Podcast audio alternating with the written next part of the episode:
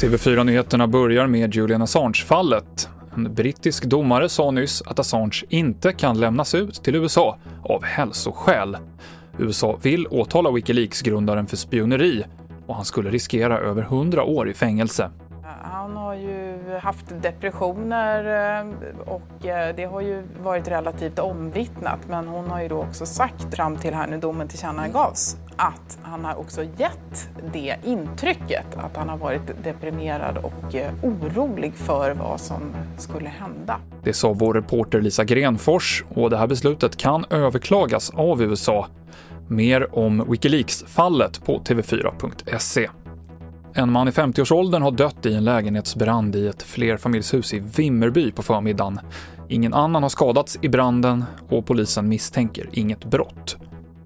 Och den här veckan extrainkallas riksdagen för att rösta om den pandemilag som regeringen har föreslagit.